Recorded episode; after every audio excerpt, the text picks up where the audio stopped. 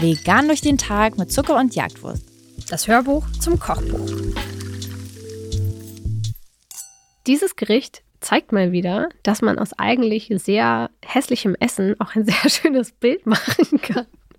Also ich muss sagen, ähm, Frikassee ist ja wirklich kein hübsches Essen. Es ist im Endeffekt eine weiße Masse mit ein bisschen Gemüse drin und normalerweise wird ja auch weißer Reis dazu serviert, was wirklich absolut kein farbenfrohes Bild ergibt. Ähm, du hast hier einfach schon allein dunklen Reis genommen und das sieht wunderbar schick aus. Das hast du sehr schlau gemacht.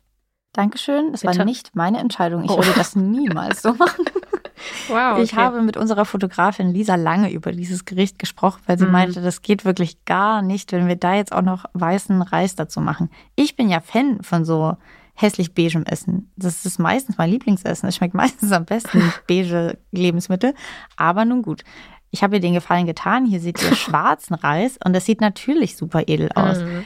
Aber also privat macht euch da nichts vor, würde ich das nicht so machen. Ich fand es aber jetzt auch schon eine schöne, also ich mag auch diesen schwarzen Reis, so ist es nicht, aber ja, ja lecker. Ähm, zu Frikassee mache ich trotzdem ähm, tendenziell eher einen hellen Reis, einen hellen Langkornreis. Aber ich weiß, was sie meinte.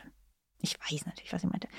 Hier kommen wir nämlich zu einem Gericht, das ist für mich wirklich ein absolutes ähm, wieder Kindheitsessen. Da haben wir ein paar davon im Buch.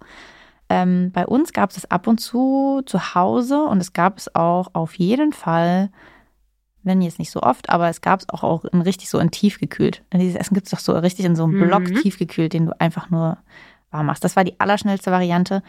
Meine Mutter hat es aber schon auch oft frisch gekocht, aber eben dennoch viele Sachen aus der Dose reingemacht. Und das habe ich als Kind schon geliebt und ich habe das auch als Erwachsene nicht abgeändert. Das heißt, wahrscheinlich kann man auch frische Spargel nehmen. Und im Rezept habe ich jetzt auch von frischen Champignons gesprochen. Ich mache immer nur Dosen-Champignons rein. Und naja, den Spargel, ehrlich gesagt, kicke ich mir oft, weil ich mag diesen Spargel aus dem Glas nicht so ganz. Moment, also du hast jetzt hier Sachen reingeschrieben, die du normalerweise so gar nicht machen würdest? Nee, ich habe es eher an den, ähm, ich glaube, meins ist eher so ein Guilty Pleasure-Ding. Ah. Ich glaube, Dosen Champignons sind ehrlich gesagt, da bin ich jetzt nicht unbedingt im. Stolz drauf. Da bin ich doch, da bin ich stolz.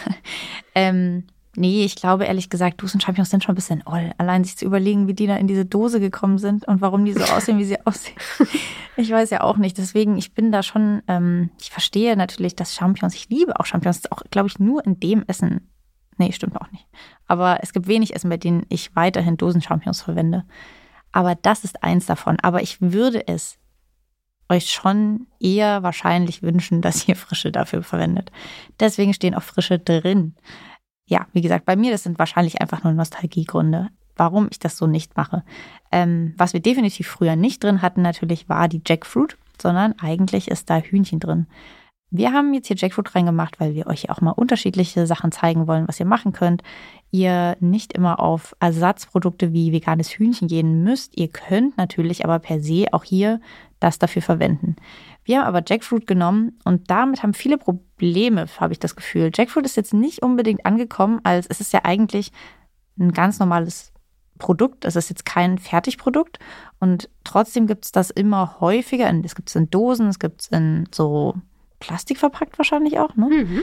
Ähm, und ich finde, die haben einen sehr großen qualitativen Unterschied oder auch geschmacklichen Unterschied, sodass ich verstehen kann, warum manche mal so ein, zwei Jackfruit Gerichte probiert haben, nicht so richtig zufrieden damit waren und dann Abstand nehmen wollen.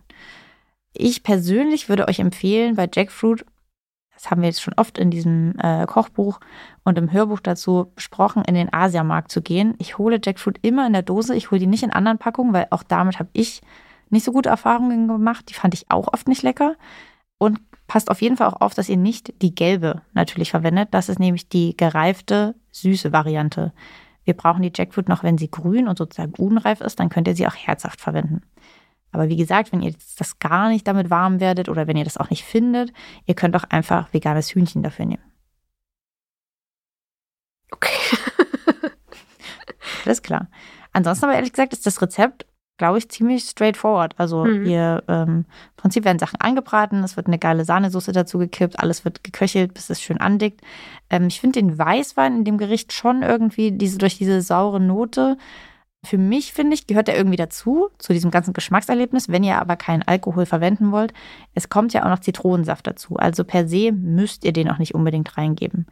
Ich persönlich mag das aber schon sehr gerne. Aber ich finde, wie gesagt, das ist für mich ein absolutes Nostalgieessen. Und ich probiere dann schon eher, wenn ich das mir privat mache, das so zu machen, dass es so schmeckt, wie ich das damals als Kind gegessen habe. Cool. Dann lasst eure Erinnerungen an dieses Buchfrostessen oder was auch immer für ein Frosteessen ähm, aufblühen. Oder ihr kennt es frisch gemacht. Ich kenne es nur, glaube ich, als Buchfrost-Version, als Tiefkühlversion. Ähm, aber wie auch immer, egal auch mit welchem Reis ihr es serviert, habt viel Freude mit diesem Jackfruit-Frikassee, Jackfruit, Jackfrucht-Frikassee, Jackfruit-Frikassee, wie auch immer ihr dazu sagt. Und genießt es. Ich finde, es ist ein Gericht, was man viel zu selten macht, obwohl ich das so gerne esse. Ich esse das richtig, richtig gerne, aber ich mache das wirklich sehr selten zu Hause. Und dabei dauert es noch 45 Minuten. Vielleicht müssen da Kartoffeln drin sein. der schnelleren Art. Ja, das stimmt. Kannst du bestimmt auch, wobei hm. irgendwie passt das schon Reis wirklich ja, am besten. Das stimmt. Und damit entlassen wir euch und wünschen euch viel Freude mit diesem Frikassee.